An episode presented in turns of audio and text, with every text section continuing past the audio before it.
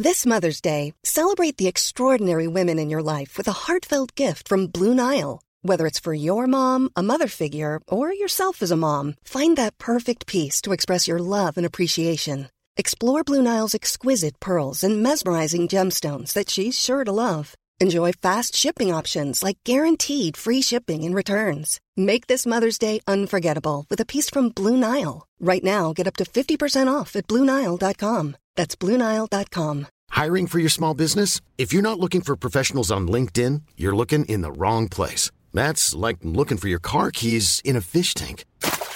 LinkedIn helps you hire professionals you can't find anywhere else, even those who aren't actively searching for a new job but might be open to the perfect role. In a given month, over 70% of LinkedIn users don't even visit other leading job sites. So start looking in the right place. With LinkedIn, you can hire professionals like a professional. Post your free job on linkedin.com slash people today.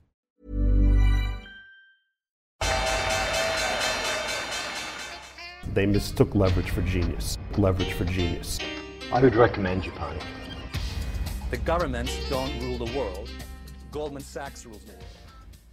Velkommen til episode 199 av podkasten 'Tid er penger'. En podkast med Peter Warren. Jeg heter Sverre og er produsent, og i dag er det snakk om markedet. Litt sånn makrofokus på hele diskusjonen og inflasjon og diverse. Så eh, for dem eh, som ikke liker politikk, så vil jeg advare om sånn, Fra ca. en time og utover så er det en god del politisk snakk. Stammer ut av en debatt som dukka opp blant lyttere. Tror det kan være verdt å høre på, hvem vet. Så avslutter vi litt med å snakke litt om Patrion for en gangs skyld. Altså litt hva vi, vi, hvorfor vi gjør det og, og, og, sånne ting. Så hvis du er interessert i å høre litt om podkasten, jeg vet ikke, så kan du gjøre det. Og da går vi i gang. I dag skal vi snakke om våre sponsor som er IG. Hvis du har hørt på podkasten lenge, så vet du at IG har vært her. Vi har snakka masse om det, men det er to nye ting som tror, som vi aldri har snakka om knytta til IG. Eh, nå, nå, tar jeg, Mens vi snakker her, så åpner jeg IG-appen. fordi at det kan ikke snakkes om nok, og nå er det jo tross alt ferie. De fleste er på hytta. Så det som er så digg med IG-appen, er at jeg, jeg syns strengt at den er bedre enn hjemmesida. Og når du bruker den, så er det utrolig lett å finne instrumenter. Så en typisk ting som kan skje, er en hendelse som skjer når du er ute. Som jeg snakka om i podkasten, så har jeg trada personlig mot Tesla. Altså vedda på nedtur, og, og starta før det begynte å falle i høst. Og, og den er jeg ferdig med. Da benytta jeg meg bl.a. av IG. Og da benytta jeg meg av turbo warrants. Og måten Det som var så jeg, jeg, kunne se da enkelte tilfeller, for da gikk jeg inn og ut litt sånn forskjellig og, og benytta meg av av uh, på en måte momentum og prøvde å se det an og sånn. Som du vet, så er jeg en podkastprodusent og ikke en trader, og jeg gjorde feil. Men at jeg, jeg, følte at jeg kunne utnytte det instrumentet Turbo Warrants veldig bra. Og samtidig så var det mulighet når noe skjedde, for det skjer jo noe hele tida i Tesla, så må du være klar med telefon. Altså telefonen. Det er telefonen du har når du er ute. Så sitter du på en parkeringsplass, så ser du en nyhet kommer over Twitter eller et eller annet, som det ofte gjør så må du være klar til å handle. fordi at selv om markedet skal være så raskt, og sånn, så tar det tid før noe skjer. Men hvis du må hjem og, på terminalen, så er det for tregt. Kanskje man ikke hadde planlagt å gjøre noe. Og så kommer det en stor nyhet. F.eks. når det, uh, det, var den der store på det komishowet, jeg står på en scene så tenker at det her kommer jo til å bli tatt veldig galt. Det her er jo et vitne om at uh, upopulær og osv. Og, og da kan øyeblikkelig sette en posisjon. Neste punkt kom fram i uh, Patron-episoden på fredag, nei, på torsdag, og da sa Peter at pga. den skatteusikkerheten som er knytta til ETF-er, spesielt også mange av de ETF-ene som er knytta til VIX-indeksen, så kan CFD-er være et mulighet. Så der har du også et argument der CFD er en ganske sånn enkel, straightforward instrument å forholde seg til. Og det har alltid ETF-er vært også, men med nye skattelovgivninger i USA, som er knyttet til PTP-er, så kan det være greit å ha et alternativ. Og der kommer CFD-er inn på VIX-indeksen. Da kan du, hvis du vil laste ned appen, så kan du gå på eh, www.ig.com-no, eller gå til AppStore. Eller bare google IG. Og til slutt så er det viktig å påpeke at det er ekstremt risikabelt å trade. Du kan tape hele innsatsen, så det er viktig å porsjonere ut sånn at det du kan tape, det du har råd til å tape. Vær forsiktig. Ja. Jeg prøver noe nytt i dag, eh, Peter. Ok. Eh, noe som du kan være glad du ikke har eh, er i rommet nå. Jeg kjører podkast i bare overkropp. Skal være bra glad du ikke er her. Ja. det- da, sittende utenfor også da, eller? Nei, dæven, det er kaldt ute. Mm. Nei, det er um, Det er heftige dager med um, Biden på, uh, på jorda i Ukraina og på President's Day, ikke annet. Det er jo litt interessant dynamikk der. Ja. Og um, volatile markeder der jeg ser på analyser, så jeg leste analyser i helga, og vet du hva? Oppsummert alt jeg leste, så er det 'nobody knows anything'. Ingen aner hva som kommer til å skje neste. Folk er posisjonert midt mellom bullish og bearish. Analysene er midt mellom bullish og bearish. Det er ingen som vet noe.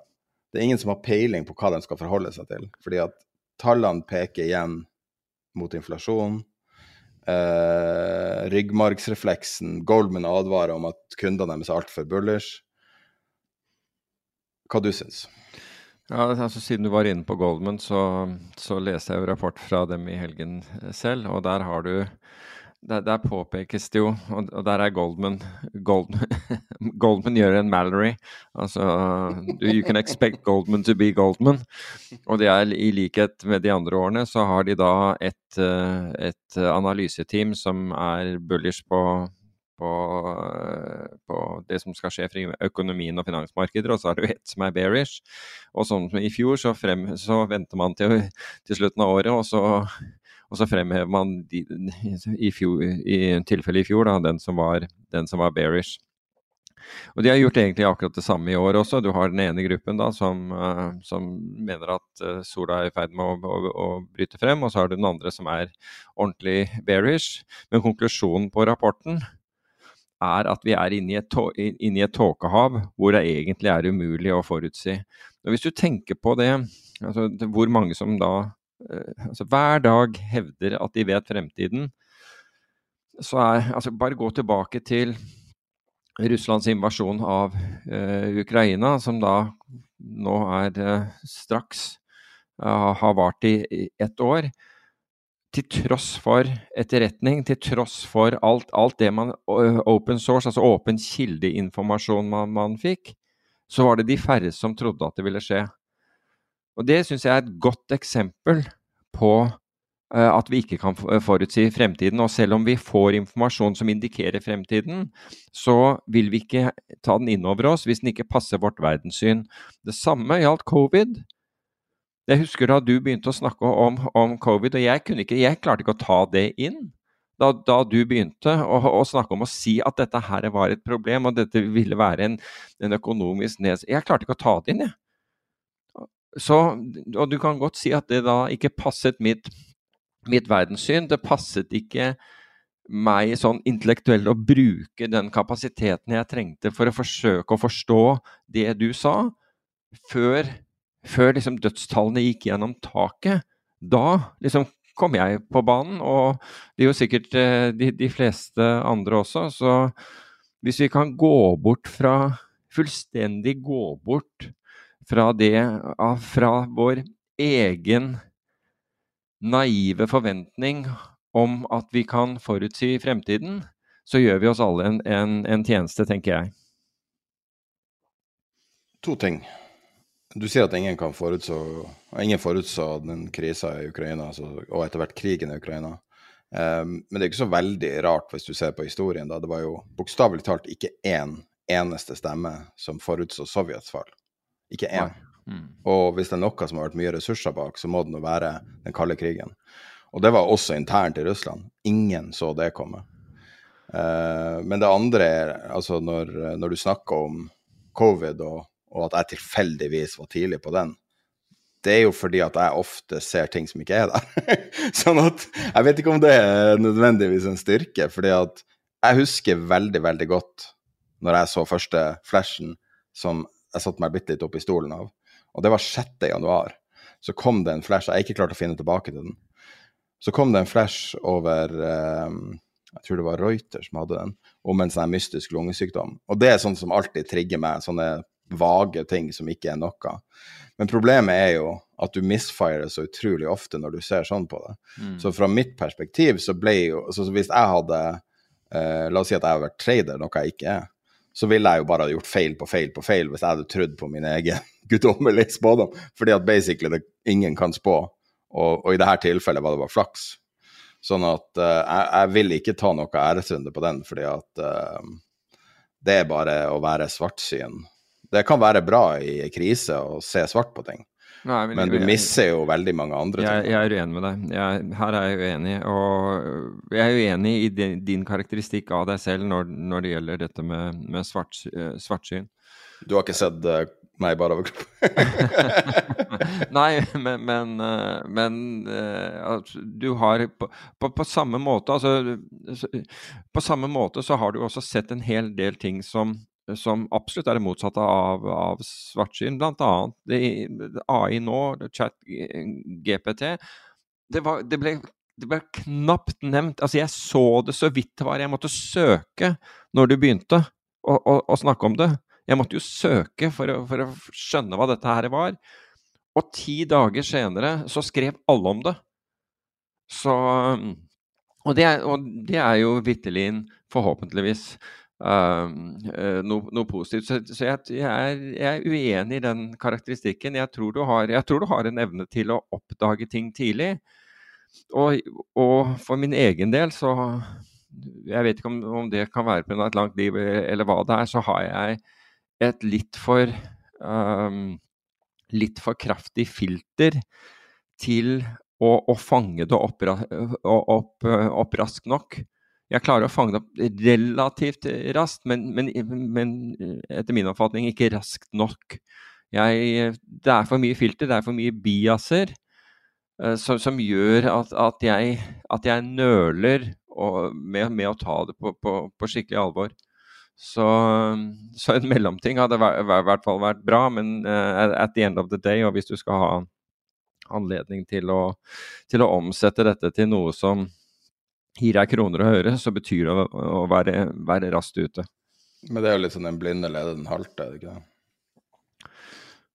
Man blir ja. en halv pluss en halv, men det blir ikke én heller. Eller jo, det blir det. En halv gang en halv. ja. uh, altså, jeg tror jo fortsatt at man får mer, mer ut av det, og det er jo Altså, du, du kan Altså jeg vil tilbake igjen til hvordan etterretningsorganisasjoner opptrer når det gjelder, eh, når det gjelder analyse, altså innhenting av data osv. Og, så og når du snakker om Sovjetunionens fall og for så vidt det som skjedde i Ukraina og mange andre ting, jeg er helt sikker på at med den kunnskapen og de sensorene som etterretningsorganisasjoner både hadde da øh, og i større grad har nå, så oppfatter folk det. Og så kan det være at det er problematikken er er egentlig den samme som den vi diskuterte mellom oss nå. Hvor av de som oppdager det, går Oh, holy shit, se hva dette her er. Og så har du the higher up som av en eller annen grunn sier Nei, vent nå litt, da. liksom sånn, Det der høres litt voldsomt ut. Uh, skaff meg noe mer, osv. Og, så, og så koker det litt bort i tid. Og så, på toppen av det hele, når de da, de da til slutt kommer med, med sitt etterretningsprodukt, da, som er da det de uh, levere fra seg uh, som uh, altså den PDB-en, altså Presidential Daily Brief ikke sant, i USA, men, men i alle, alle, land så får jo, så får jo regjeringene oppdatering fra, fra, fra sin egen etterretningsorganisasjon. Så er det hvorvidt det passer inn i politikken og det verdenssynet som de har, som at the end of the day kommer til å avgjøre hvordan man stiller seg i forhold til denne nye informasjonen og, og, og det som skjer. Så det er mange lag av filter her som uh, hvor alle, ikke alle, men i hvert fall hvor flere av dem kan ha personlige agendaer eh, som da enten taler for eller imot å agere på den informasjonen man, man akkurat har fått. Men tilbake Så. til Goldman-analysen du du mente du nevnte kritisk. Jeg vil ta helt motsatt approach og si det er nøyaktig det man forventer av en investeringsbank. Jeg driter i hva deres skrytereel er et år senere. Det vil jo aldri være til å på uansett hvordan selskap det er. Men hvis du er kunde og skal investere, selvfølgelig vil du ha et nyansert syn. Hvis jeg får en house view fra en bank, f.eks., så vil jo det ha null verdi. Jeg vil ha, jeg vil ha en personlig view fra en person de har henta inn fordi at han er så skarp For Et godt eksempel er jo Steno, som jobber i Nordea. Mm. Det sekundet han var ferdig, slutta jeg å lese Nordea-analyse. Jeg har ikke lest én Nordea-analyse siden han er ute. Og nå driver han sitt eget analyseselskap, og vi skal publisere noen analyser hans i samarbeid med han, og vi er jo blitt ganske gode kompiser med han. Og, og, han er jo helt utrolig skarp, og han har skarpe, timely analyser. Og det er liksom news you can use, på en måte. Altså, han har han har tatt det med seg, og så nå er han liksom fri mann for, på, på, egen rygg og har ti ansatte og, og bygd eget studio. Altså, denne mannen her er jo så mye mm. drive i at det er helt sykt. Så ser du de her slappe avdelingene som alle mener det samme fordi at det er bra for corporate action. Altså, du, du, leser Mike Wilson i uh, Morgan Stanley, f.eks., ja. som vi kommer tilbake ja. til. Du leser uh, Flowshow fra Bank of America. Dem har vi jo mm. hatt også mm. på podkasten. For det er sylskarpe analyser. Flowshow fører til at eh, Med Mike Hartnett, det var det han heter, tror jeg. Eh, fører til at Hva heter han hedgefondkaren? Hva heter han? Han som shorta Herbalife. Nå glemte jeg det. Oh, Bill Ackman. Bill Ackman tweeter om et eller annet som fører til at, at han sitter jo i styret i Fed.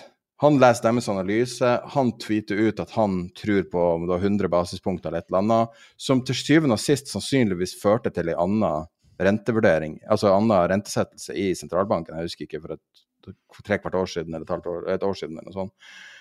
Sånn at de her enkeltpersonene som har skarpe analyser, uavhengig av hvor de jobber, har en enorm verdi. Men det er ikke så veldig mange av dem.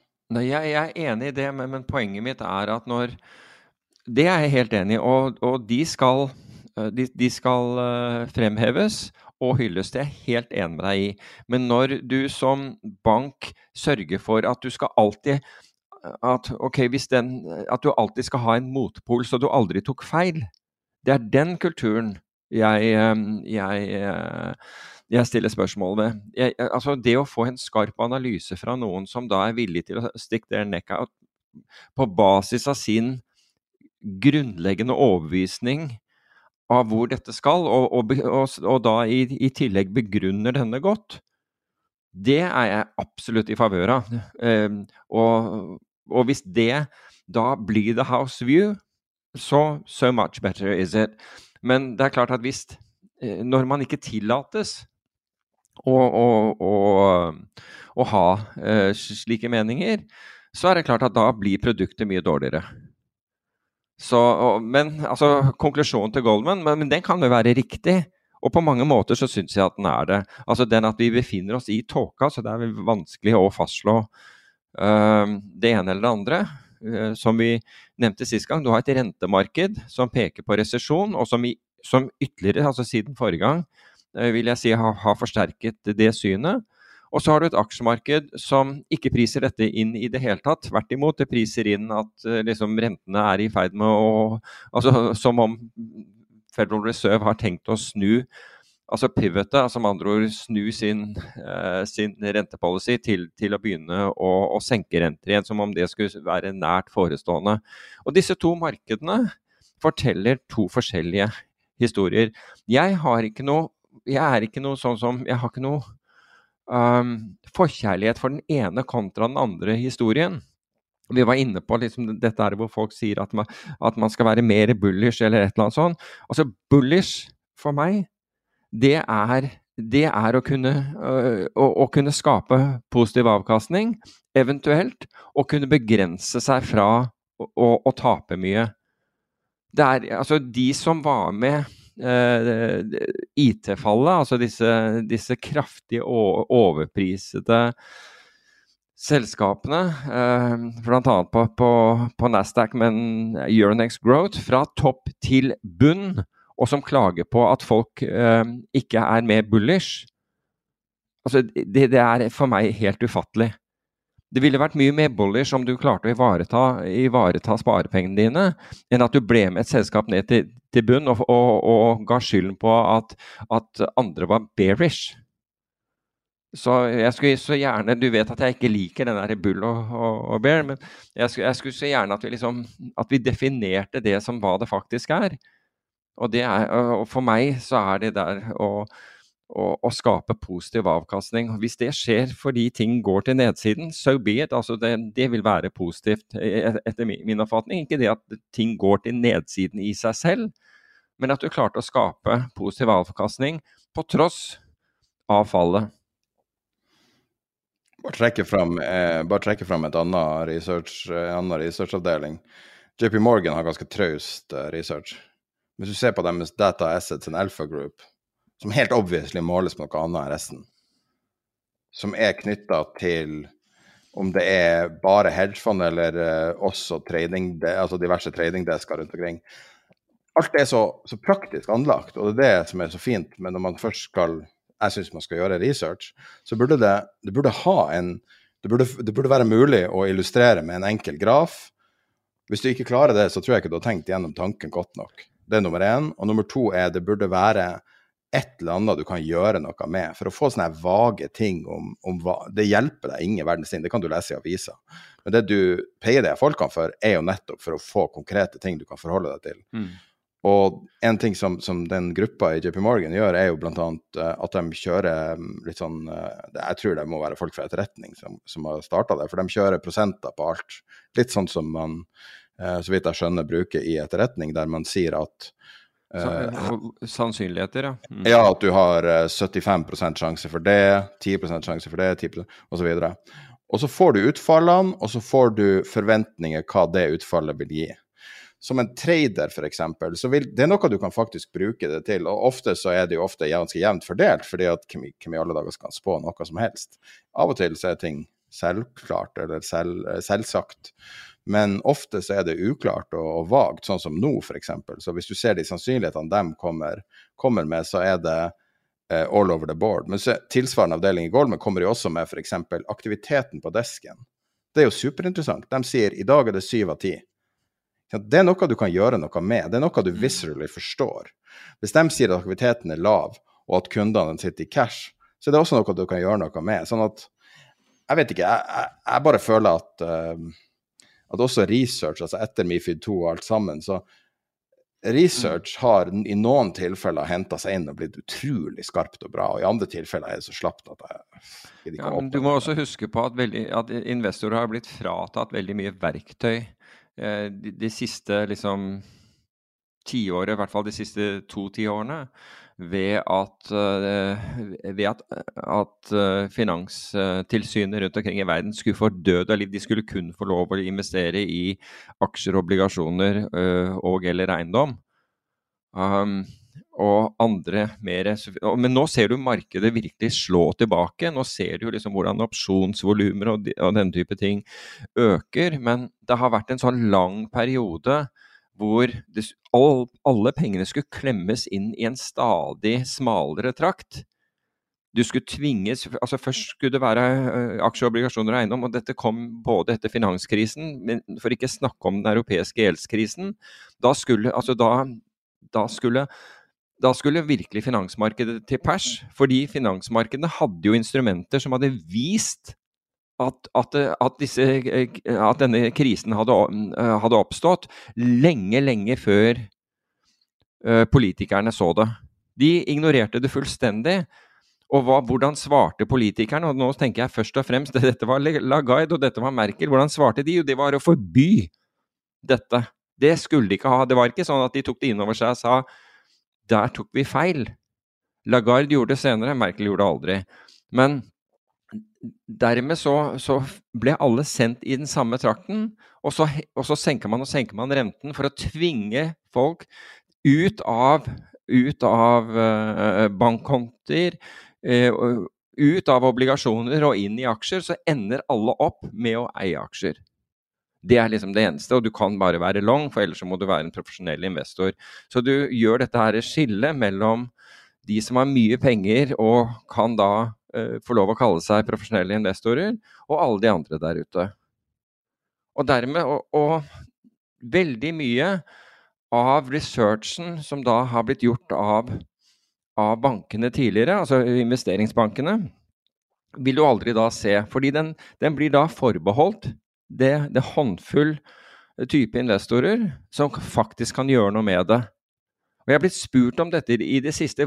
Hvordan får man tak i research på dette og, og, og, og forskjellige ting? Og svaret er at det går ikke ut til, til, uh, til retail-investorer eller vanlige investorer. Det går kun ut til på en måte de proffe aktørene. Det er forbeholdt dem. Så um, Men det, det, er mulig at markedet nå endrer Altså at markedet tvinger frem endringer i, uh, i, i, så måte. Det har gjort det veldig enkelt for finansforetakene. fordi de hadde jo da sluppet å utdanne folk på, på, på mer sofistikerte instrumenter osv. Og, og, og har liksom det har vært ganske grei skuring. Du får, du får mer betalt for, for, for mindre jobb. Greit, det òg. Jeg føler du har vært ganske delaktig i å heve nivået i Norge, spesielt siden podkasten ble starta. Ehm, med å være en, en, kilde til uh, en annen måte å tenke på finans på. Uh, og det har jo du, også med bloggen du hadde tidligere, og, din Twitter-konto og alt mulig, så har jo du uh, definitivt påvirka det i ganske stor jeg har forsøkt å gjøre det også. Jeg forsøkte jo først å gjøre dette gjennom å, å, starte opsjonsmarkedet i Norge. Men det var jo enorm motstand. Det var enorm motstand fra, fra, fra meglere på det. Og det eneste gangen hvor, hvor liksom megler, Men meglerhusene så jo at investorene deres var interessert. Men da meglerhusene først ble interessert, det var når de så hvor mye børsen i Sverige tjente på det, altså OM tjente på det. fordi da skulle de eie børsen og, og tjene tilsvarende. Da kom da kom liksom interessen for det. Men ellers så var det en enorm oppoverbakke. Alle så alt nytt var en trussel. Jo, men oppoverbakke det går jo oppover, tross alt. ja, er jo, det er jo oppoverbakke det går på. Ja, det... ja, altså, du havner jo til slutt på toppen. da. Men så blåser det på toppen igjen, så altså, alt. Ja, det blir blåst av den der toppen. Men du, men du kan si at det, det har aldri vært altså, USA er den rake motpol, og det har mange det har også mange nordmenn bekreftet, bl.a. i sin uh, uh, Birger Negård, som var uh, featured i DN en lørdag for uh, noen, noen, uker siden, som da begynte med, med venture i, i, i, USA, på, på, vestkysten av USA, tok liksom dette med til Norge i Four Season Venture. Han bekreftet også den vanvittige forskjellen det var mellom hvordan man så nye ting i USA, hvordan det ble ønsket velkommen, og, og den interessen man hadde for å lære det, kontra hvordan det var i Norge, hvor Nei, altså der, kom, der var håndflaten utover. Ikke, vær så snill, ikke kom her. Ikke, ikke kom med noe nytt. Ikke, da må jeg lære, ikke vær så snill. Ikke ødelegg. Altså, ikke forstyrr denne andedamen. Her er, det her er det perfekt nå. Ikke kom med ny kunnskap. Så det, er, det har vært veldig tungt. Men du kan si at Pareto Du må si hva, hva man vil om det, men Pareto gjennom eh, selvfølgelig økonomisk motivasjon, men de skapte jo et high yield-marked i Norge, og for så vidt også utover Norge, Norges eh, grenser, som ble veldig stort. Som ble utrolig stort, og i forhold til størrelsen på kapitalmarkedet i Norge, så må det være et av de største i verden, tror jeg. Så, så, du kan si at der har man Men du hadde allerede ulike typer av obligasjoner, så antageligvis så var ikke det en så Det var liksom ikke vanskelig å løfte den listen på samme måte som å komme med Altså prøv å komme med en credit default swap. Um, ikke, det, det er ikke enkelt. Så Og det vet jeg av, av erfaring, fordi uh, Eh, vi ble jo kontaktet da, da jeg drev hedgefond av, av, en av de største bankene som da, som da skulle ha oss inn i, inn i kredittmarkedet og kredittobligasjoner. Og vi sa vi var interessert i credit default swap, spurte om de kunne gjøre det. Ja, ja, de var helt eksperter på det. Og det, fire uker senere så hadde, så hadde, de enda ikke forstått hva, hva instrumentet var. Så, så, så, vi, så vi slet litt der. Men jeg tror det har kommet lenger. Altså, du har jeg tror liksom de store DNB f.eks. har helt sikkert eh, god peiling på, på det, det, produktet nå. Jeg vet ikke om de tilbyr det, antageligvis ikke. Men eh, det er mulig at hvis du er profesjonell at du kan eh, kjøpe det gjennom det. Men jeg er sikker på at de ser på CDS-spredder der. Jeg vet at SEB ser på, ser på spredder, og, og, sikkert siden de også gjør marketmaking på på investment grade-obligasjoner. Sikkert legger av noe av risken sin gjennom, gjennom CDS-markedet, men investorer tror jeg i veldig, veldig liten grad får adgang til å bruke disse tingene. Ja. Nei, det Men jeg er håpefull, altså. Jeg er ikke så håpefull for uh, zero day to expiry-opsjoner, men det tror jeg blir eksplodere ganske snart. Men, uh, men jeg syns også det vitner om at markedet er blitt proffere. Selv om nå skal det jo sies at det er jo mest proffmarkedet som benytter seg av det der, så uh, har, du, har, du, fått mer klarhet i hva effekten av det her er, ut, foruten at det kanskje ikke vises i ting som Vixen og sånn? Nei, altså du Du kan si igjen hva det er. Det er mange som lytter som ikke vet hva det er. Zero date-opsjoner, uh, mener du? Ja. Eller, ok, zero date uh, uh, Null DTE er zero date to expiry, står det for. Og Det vil si at opsjonen um, kommer til live på morgenen. altså Når børsen åpner, så, så, så oppstår denne opsjonskontrakten, som da forfaller når børsen stenger i, i USA. Så den, er, den, den, handler jo bare i, noen timer. Og det gjør jo at premien på en sånn opsjon er, er veldig lav, men, den, men, det har blitt utrolig populært. Og til, og, men, men, det strides nå, og det syns jeg er, er, merkelig, fordi jeg har lest to helt forskjellige rapporter om dette, uh, dette markedet i, um, i, helgen. Og man sier at volumet på disse, og det er blitt et helt vanvittig volum um, er, er nå så, så, høyt at det påvirker markedet. Altså det, indekser er, er, dette først og fremst. Det påvirker de store indeksene når, når, når det er høy aktivitet i, i, disse opsjonene. Eh, så har du den ene som og vi får da det, dette som kalles gammaskvis, som Jeg forklarte vel dette på, på, en, på, på siste Patron-podkast, uh, gjorde jeg ikke det? Hva var det? Var det det som var to, vekt, nei, to uh, studiepoeng, eller ett? Ja, det var to studiepoeng. Ja, jeg, jeg tror det, det var... var Det var veldig bra. altså. Det var... Du burde signe opp på Patron ene og alene for å høre den, fordi at den var så bra. Altså, det, det er nok greit for folk, altså i og med at gamma-squeezer nevnes så ofte som, uh, som de gjør, og, forstå hva, hva det snakkes om.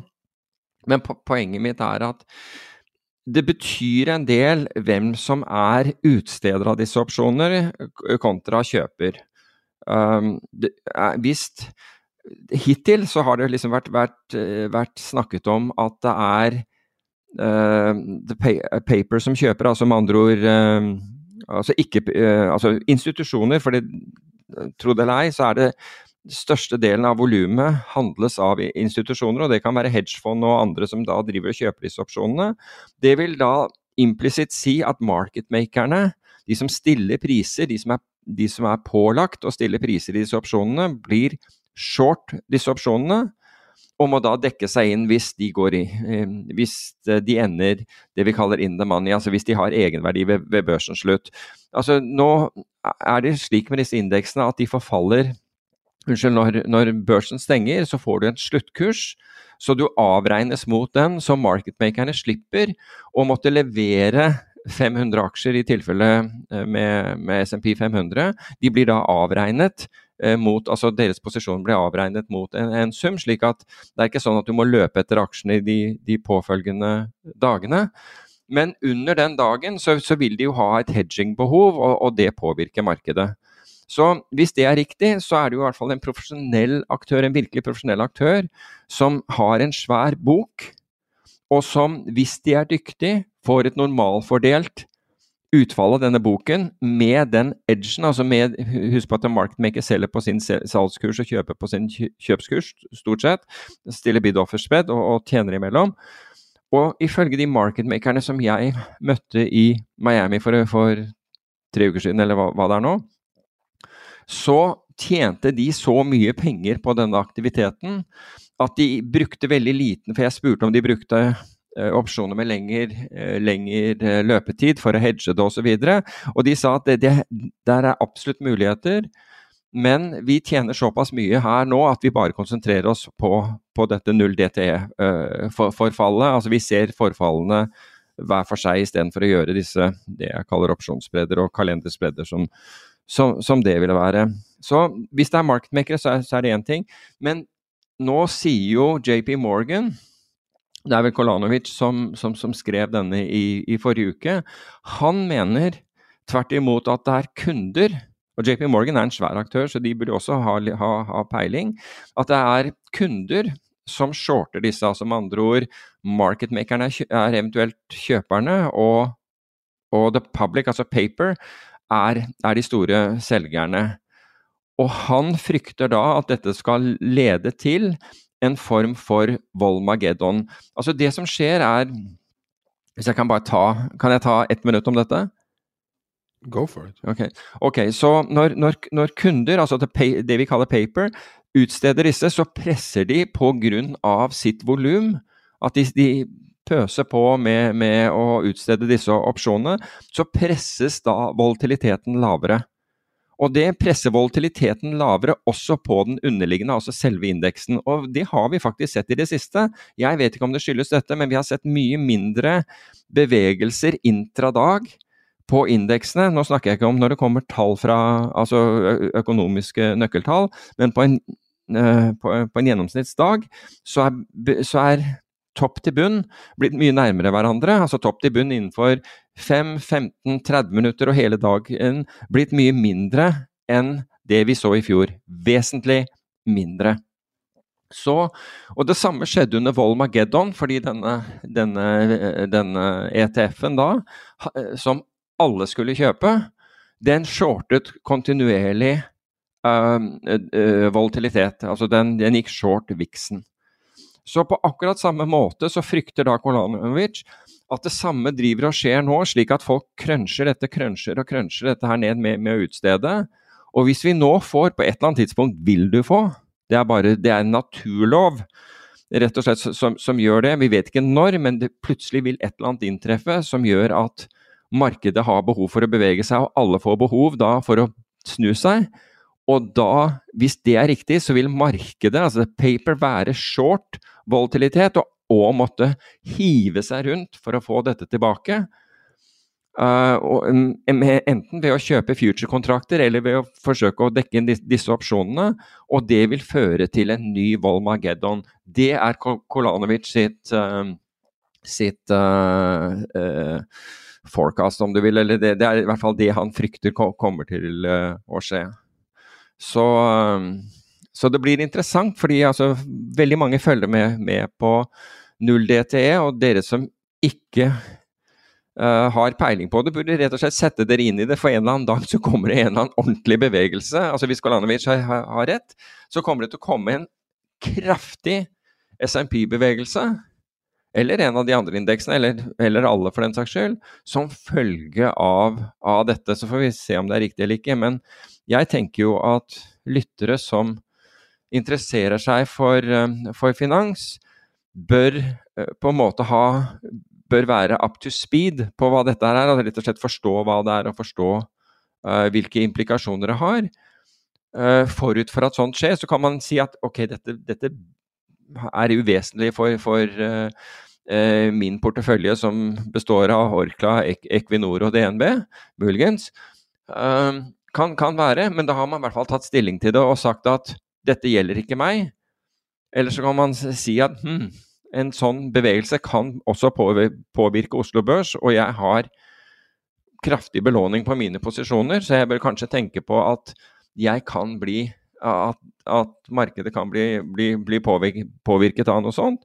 Og så, og så, har man den kunnskapen også. Det er i hvert fall sånn slik jeg ser det. Supert. Har vi nevnt markedet i markedssegmentet nå?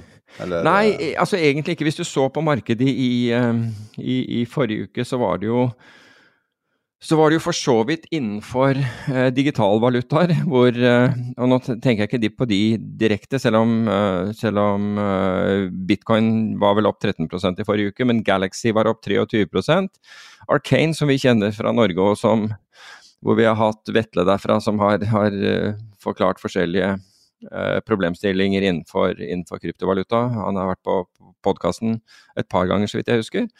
Eh, de var opp 8% Den blockchain-ETF-en var, eh, var, opp 7% Og det, og når jeg så det, så tenkte jeg da var det jaggu rart at Norwegian Block Exchange, altså NBX, var ned 6 det, det, liksom, det stemte ikke, fordi de var det i forrige uke. Men så så jeg at de hadde hoppet opp 10-11 i dag, så da, da, da, da, tok de vel det igjen. Men det var litt sånn her artig, fordi det, det slo meg at jeg lurte på kom det ut noen nyheter om NBX siden den gikk absolutt motsatt vei?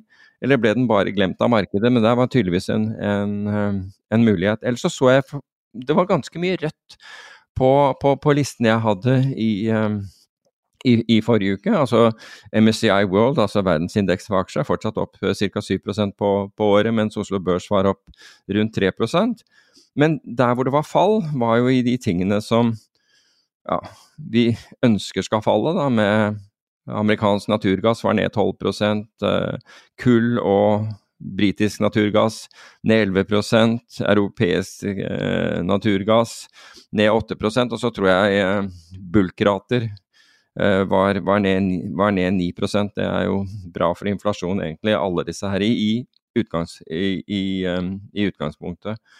Så um, Eller så var vel uh, ja, den ETF-en som dekker uh, energiselskaper, altså oljeselskaper, var, var ned uh, 6% Så det har vært litt, litt Eh, litt svingninger der, det kan, det kan, man si. Altså Galaxy er for øvrig opp 49 på, på året, og jeg mener at bitcoin, i hvert fall per utgangen av, eh, av, av forrige uke, var opp, opp 50% i året.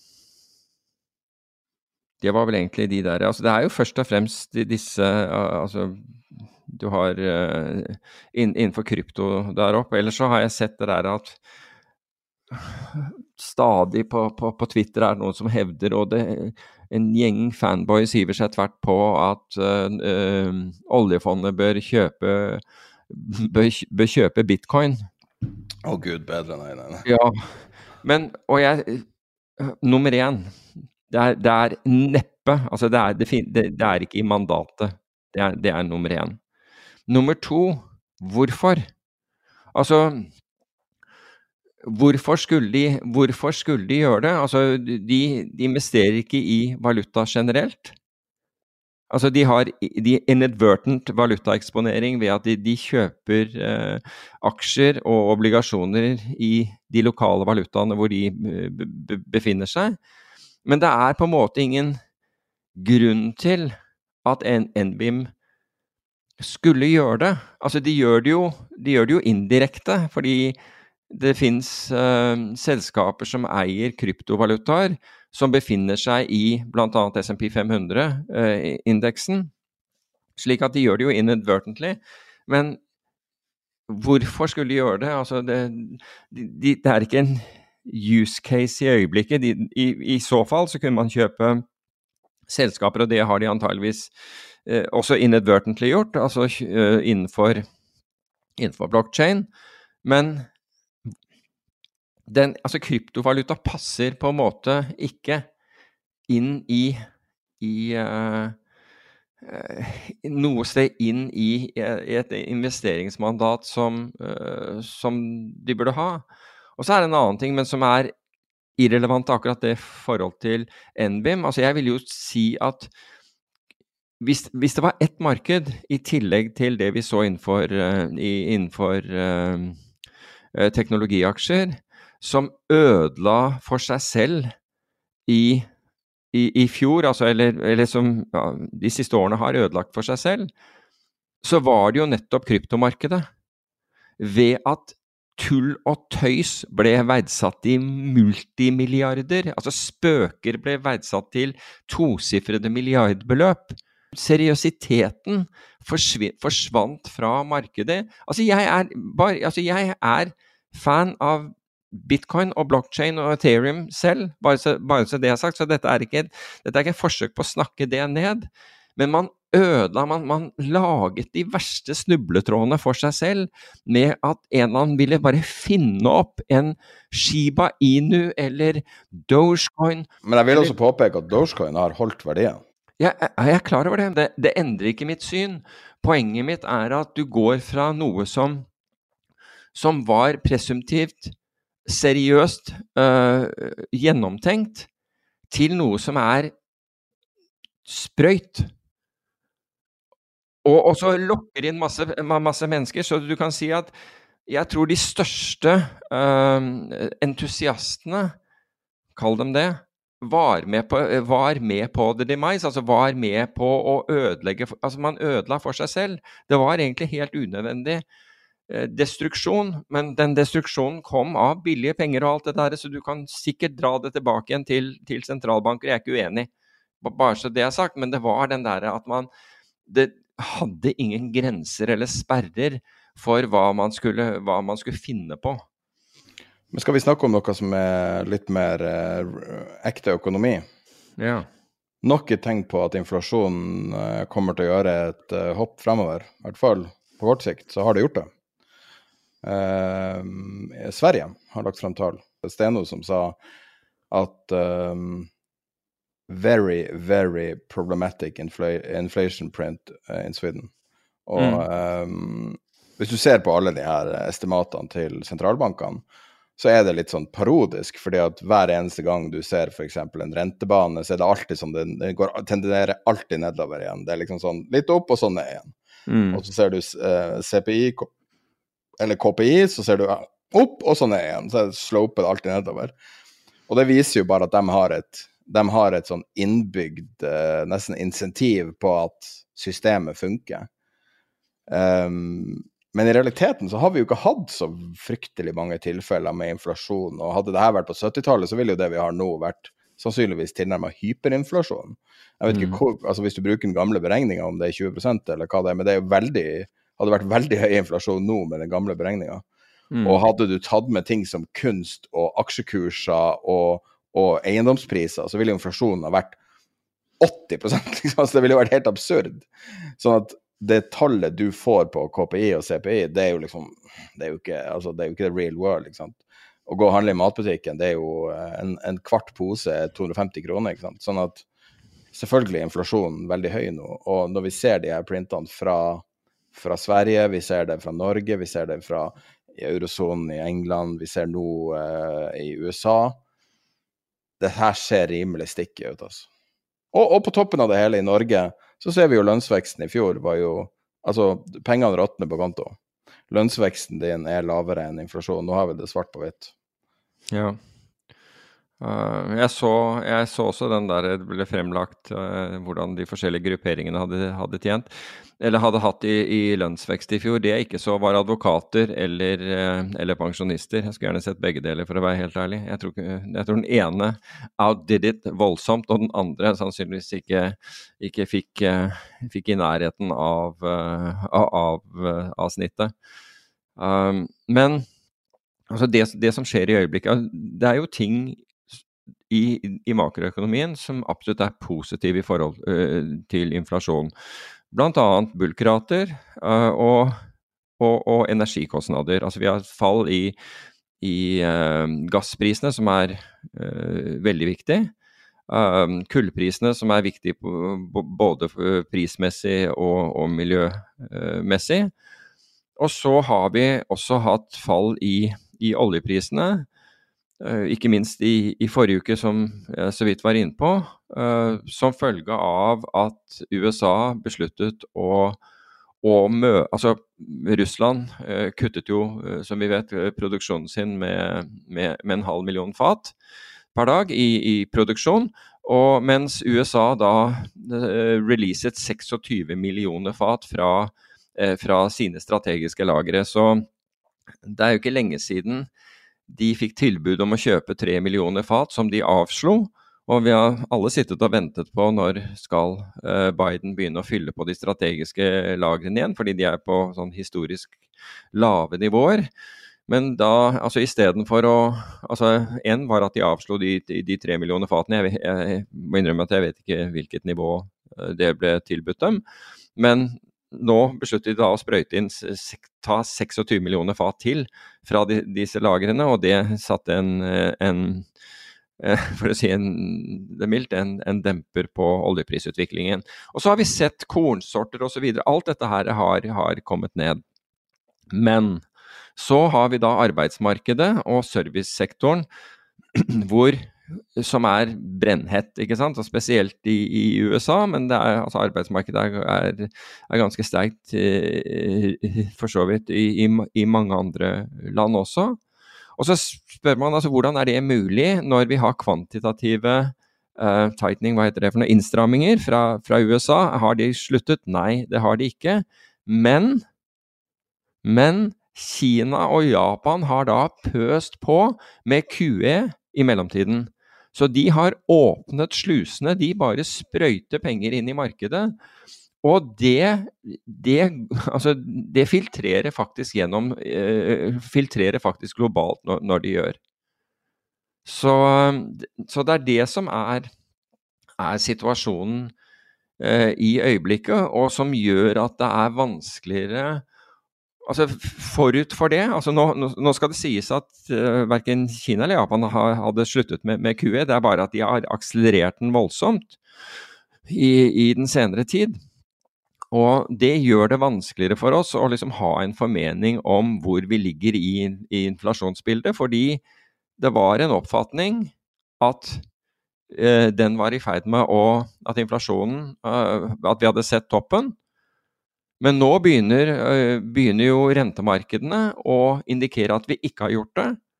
Og hvis det er tilfellet, så betyr det jo også at vi kommer til å få flere, øh, flere renteøkninger. Altså, jeg tror ikke at det kommer som noen bombe på noen at vi får flere, men, men de kan bli mer aggressive. Og nå forventes det jo f.eks.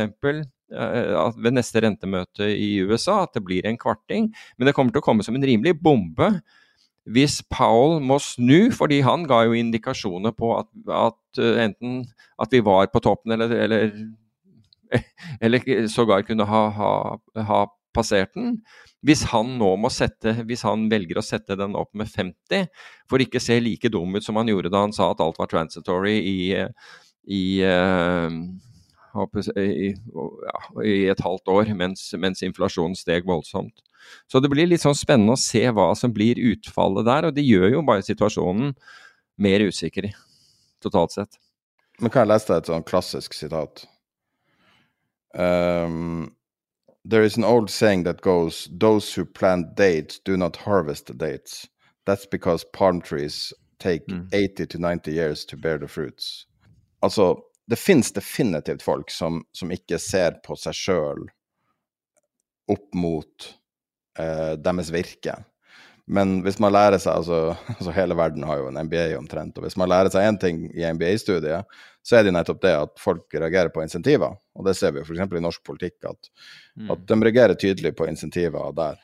Eh, og, og, og, vi hadde jo et intervju med Putin sin tidligere taleskriver, og han sa jo rett ut at han mente at fordelen til Zelenskyj var nettopp hans skuespillerbak skuespillerbakgrunn. Og det Putin ikke skjønte, var at han gav Zelenskyj sin livsrolle. Um, mm. Og jeg tror at det er en veldig skarp analyse. At han forsto ikke insentivstrukturen internt i Zelenskyj sitt hode. Hva det han er virkelig var opptatt av.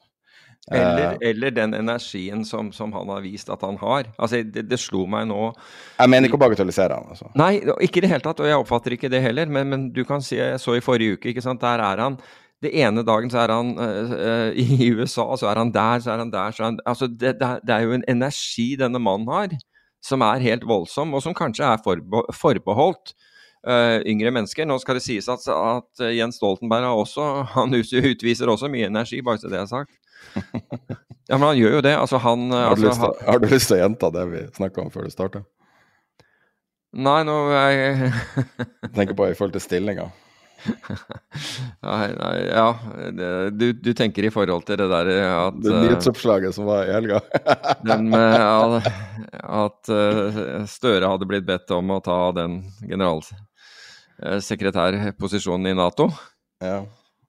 Nei, altså ja, Jeg vil gjerne vite, hvor ville vi ha vært da? Da hadde, da, hvor vi hadde vært nå? Ja, hadde vi alle snakka russisk, da? Nei. Ja, antageligvis. Da hadde det, da hadde det, da, da hadde det vært en utredning. Ja, da hadde man oppnevnt et utvalg. På russisk? Antageligvis, men uh... Jeg har alltid syntes han ligner så mye sånn ansiktet på Chamberlain. Ok. Uten sammenligning for øvrig. Det har jeg, ikke, har, jeg ikke, har jeg ikke, tenkt på, men vi kan godt skifte til uh, norsk politikk, for der har det jo liksom skjedd ja. litt grann Vi har to tema vi, vi, vi skipper bare det. Vi, legg med noen artikler, for det var spesielt uh, noen vi har lagt ut på Twitter og diverse sånne analyser og sånn, så legg med det i nyhetsbrevet. så uh, Vi har ganske mye i dag som vi ikke rekker å ta med, så det går, alt går ut i nyhetsbrevet. Tiderpenger.no nyhetsbrev. Men vi har et tema her, da. Vi, vi gled jo fryktelig ut på første her. Um, Skal vi ta, ta, det norske, eller? Som heter Norge 2023. Ja. um, kan jeg få si noe pent om noen? Kan, men, ja, men kan jeg introdusere hvor det kommer fra, da? Kom igjen. Bare sånn for å sette det i litt kontekst. Så i episoden på Patrion uh, eh, på torsdag, så um, uh, begynte vi litt sånn å, å snakke om um, tilstanden til Norge i dag, og jeg prøvde å og stille noen spørsmål som, som føltes veldig rar å stille. Um, jeg husker ikke ordlyden på det, men basically at, at hele Norge er Altså at, at prosjektet Norge har feila, på en måte. At det norske løftet er brutt. Og liksom uh, og, det du sa, for jeg spurte da om man burde selge huset sitt og leie fordi at liksom Hvis du er 55 år og har en enebolig Det var sånn det starta. Mm. Og så svarer du med da at, at, man burde bare komme seg ut. Ja, vi selger hus og flytte, ja. Eh, ja. Og bare, liksom bare, bare cashe ut som om det er et kasino, at, at det her er over. Og den diskusjonen da starta en diskusjon på vår chat, som er Vi har en livechat med over 7000 deltakere. Og der var det en diskusjon som dukka opp, sannsynligvis pga. den episoden som var veldig interessant. Og det som overrasker meg veldig, fordi at når vi snakker om sånne ting der det blir litt sånn dystert og negativt, og kanskje litt sånn uh, subtilt mot negativt for boligprisene, så bruker folk ofte å ikke like det. De liker ikke politisk snakk, de liker ikke negativt om eiendom og, og alle de tingene. Men det som slo meg her i den diskusjonen som dukka opp mellom mange forskjellige, var nettopp det at alle føler på den samme følelsen. Det er noe som bare er så veldig, veldig galt. Og hvis man skal summere opp det, så er det på en måte det at du har en politisk klasse som virker å være helt clueless. Men det, det, er liksom altså over hele linja, egentlig. Og så har du en eh, Litt sånn som politikere i Storbritannia kanskje på 60-70-tallet, rundt der, der det var så utrolig svake politikere. Og så har du eh, de her voldsomme skattene i øst og vest som bokstavelig talt tvinger folk ut av landet hvis de har lyst til å ikke miste hele livsverket sitt. Og så har du ting som Nav, som fengsler folk i øst og vest og opptrer som, eh, nesten som, eh, som mafiatilstander til tider. Helt sånn syke historier du hører fra Nav. Takk Gud, jeg har aldri hatt å gjøre med Nav i mitt liv. Og så eh, alle de her tingene her. Og så, det, og og så kom det Så foreslo jeg deg en idé. Det at, at det som vi mister når vi snakker om flukt fra Norge, fordi at enhver person som er for høyere skatter Noe jeg må si at jeg har forsvart mange ganger i mitt liv eh, det norske skattesystemet, fordi jeg trodde nettopp på helsevesenet, jeg trodde på, jeg trodde på eldreomsorgen, jeg trodde på de tingene, at, at det fellesskapet At det funka. Men det er jo så ettertrykkelig bevist nå at det ikke funker. Og, eh, og, det som jeg tror som er så skummelt med det i Norge i dag, det er at de ambisiøse menneskene, og det er i alle former Altså det kan, være, det kan være en person som har null inntekt og ikke noe sånt, men, men som har en iboen kraft. De folkene får nok av systemet. Og de folkene, og i hvert fall dem som er, er økonomisk ambisiøse, de bare ser at jeg kan jo bare kjøpe meg privat helseforsikring og så bo hvor som helst. Og, altså jeg kan jo jobbe fortsatt på norsk i Norge sånn sett, og, og skatte sånn sett til Norge, men ikke være bundet til alle mulige av de her skjulte systemene som er der bare for å ødelegge for meg. Og så tilbake til ting du har sagt når du har vært liksom i USA og, og, og det offentlige sier hva kan vi gjøre for å hjelpe deg? Nå skal du si at USA er dysfunksjonelt på mange måter, men det, det, forekommer ikke at offentlige prøver å hjelpe noen, i min, min oppfatning nå. Uh, med mindre du er en spekulant som vet å utnytte systemene og, og SMS-er for, uh, for, å få hundrevis av millioner i statsstøtte osv. Eller at du sitter som næringsminister og, og, har fått basically en hel fabrikk gratis. Uh, altså, alle de her tingene her er så det er så, det er så utrolig langt fra det løftet som mange opplever at vi har fått. Og når du ser igjennom på de forskjellige folka som snakker, så er det liksom det at systemet har svikta. Og at det her nå at, at, liksom at, at, hele greia føles som en eneste stor bløff. Og så det, alt du hører, er 'nå skal vi faen meg ta dem', 'nå skal vi øke skattene mer', 'nå skal vi Og så er det liksom de her de, sånn liten ting som de fartsbøtene. Jeg vedder på at ingen som vedtok det her, trodde det skulle bli en sak ut av det. Og når folk begynner å gå mot fartsbøter, gå mot trafikksikkerhet, så skjønner du at noe er galt. Mm. Og når du ser, og det som var så overraskende, var å se, å se responsen blant lyttere, som veldig ofte vil ikke være pro sånne her type ideer. Alle hadde følt på en eller annen form av det her i livet sitt. Det er noe som bare skurrer så veldig, veldig.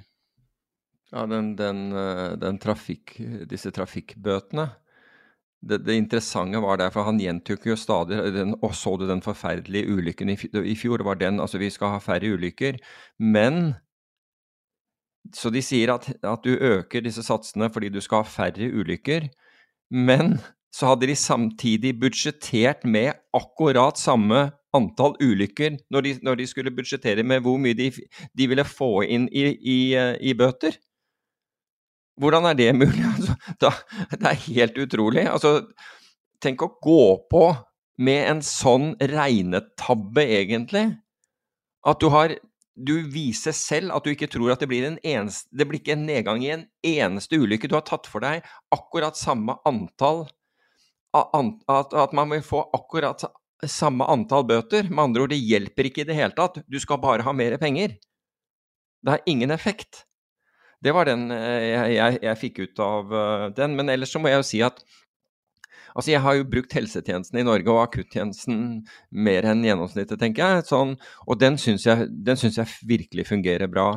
Men så ser jeg jo klart det der at det har blitt en endring de senere årene hvor hvis du da skal Altså hvis du ikke skal rett i en MR-maskin eller noe sånt noe fra, fra eh, på, på, akutten, og du skal komme til, da, tilbake igjen og, og, og følges opp og, og, sånn innenfor eller et eller annet sånt, så tar det lang tid.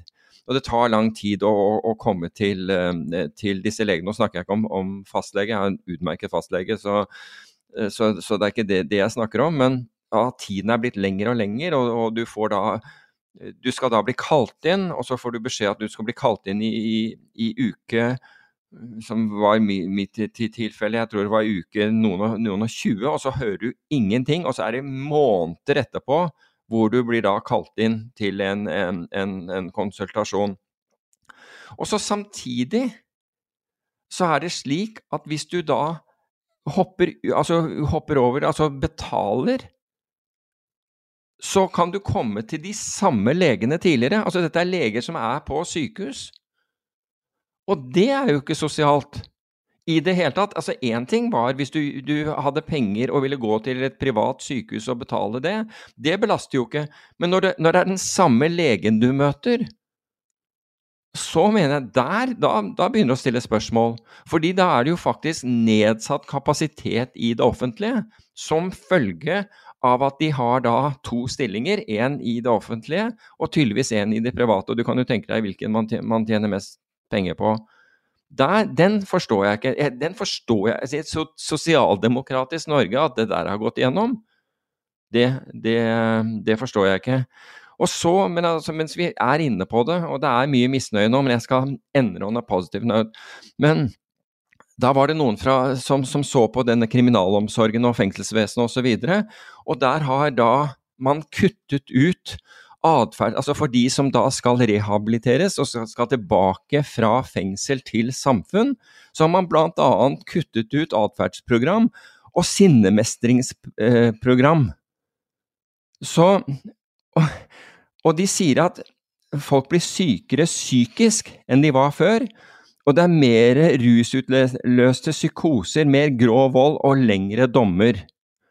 Og så, altså når disse da skal settes fri igjen, så skal de ikke da få noen Altså, de, de, får da ikke et sånt overgangskurs eller et eller annet sånt, sinnemestring. Det høres jo ganske fornuftig ut. For, altså, jeg ser for meg når når drapsdømte Gunnar på 120 kilo, som har pumpa jern på Ullesmo i tolv år, møter opp hos Vedum en sen kveld og ringer på og sier du, det der programmet Sinnemestring, det burde jeg ha fått.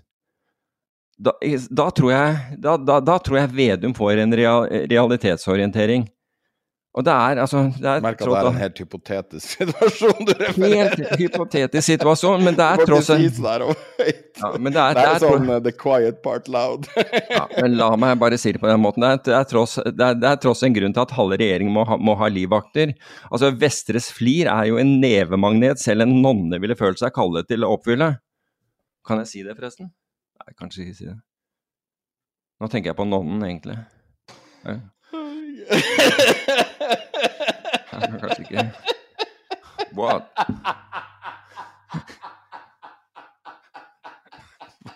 Hva nå? Jeg måtte bare skyve mikrofonen bort.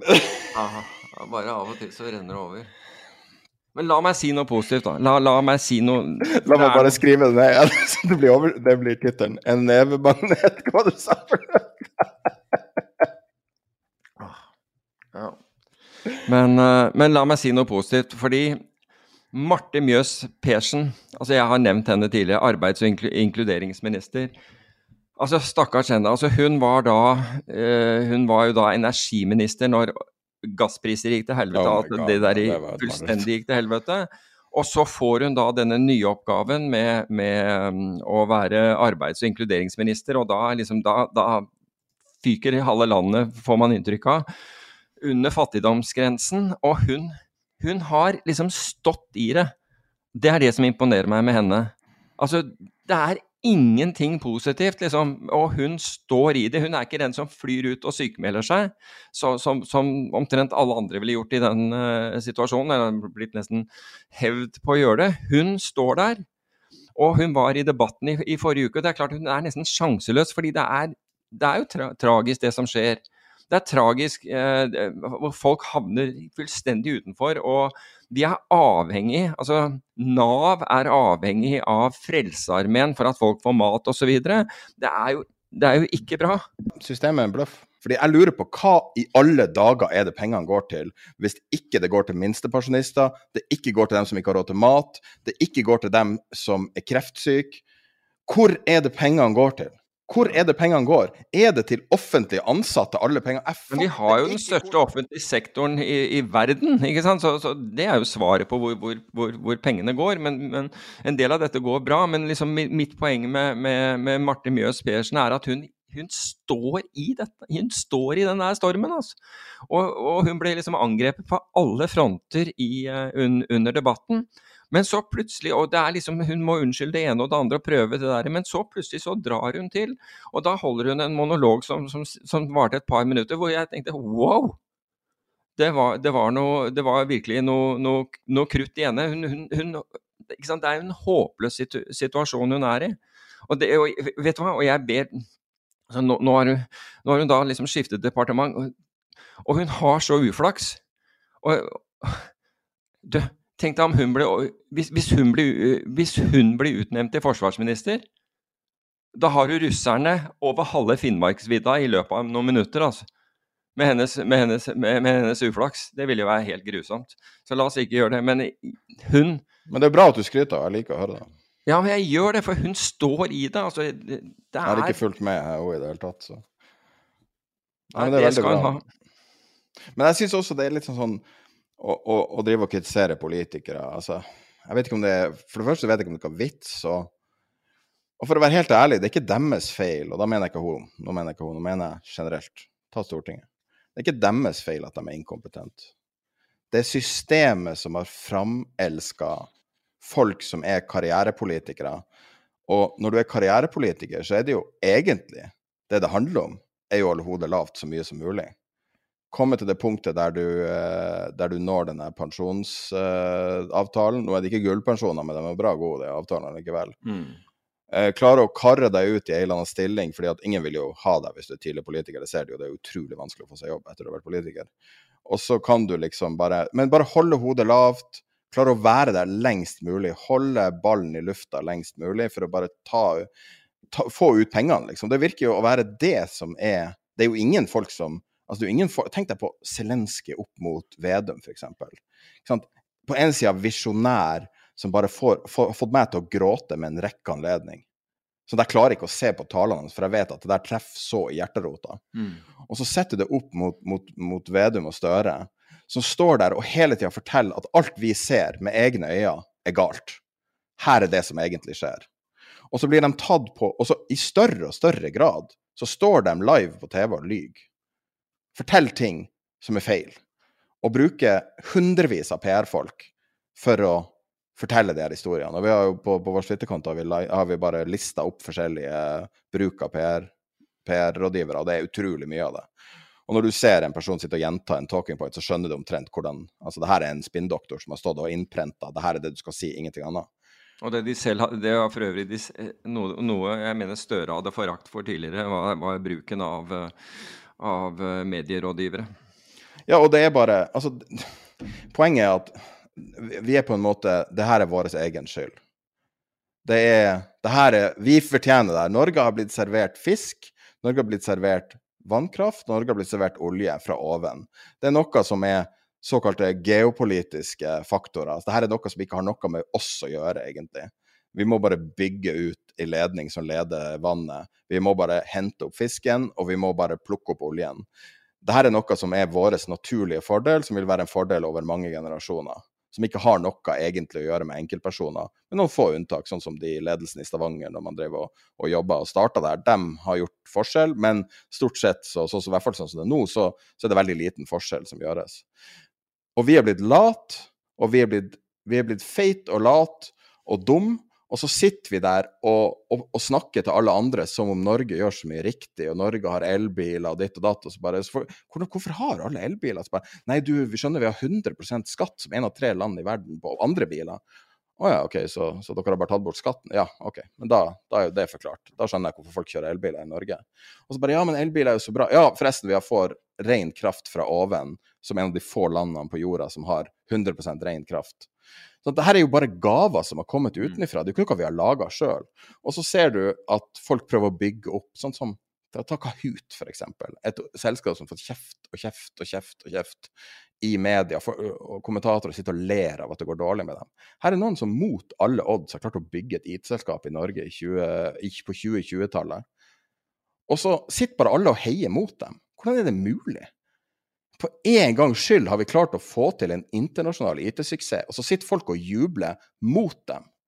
I USA, f.eks., som er et land med masse problemer, så heier de i hvert fall på sine egne. Mm. Jeg fatter det ikke. Man burde jo gjøre alt man kan for å hjelpe Kahoot til å komme F.eks. la oss si at de kan gjøre en liten tweak, og så kan de komme inn i profitabilitet eller et eller annet. Men å bli motarbeida sånn som de blir, og alle de her forferdelige utrolig tungvinte offentlige løsninger som bruker så mye tid, og alle utenlandske investorer blir pisslei av de konstante endringene av skatter og avgifter. Altså, det her kan være over. At folk bare sjekker ut og bare drar. Alle som har noe å komme med, bare drar. Men da er, ikke dette her det samme som egentlig man ser i, i, i, næringslivet? Altså det er forskjell på ledere i fred og ledere i, uh, le, ledere i krig? Og du kan si at ledere i krig er ofte ikke gode ledere i fred, og, og, og vice versa. Altså nå har alle de tingene du ramset opp, ikke sant, det har gått i Norges favør. Og dermed så får du på en måte ledere hvor, som ikke er vant til å takle uh, store utfordringer.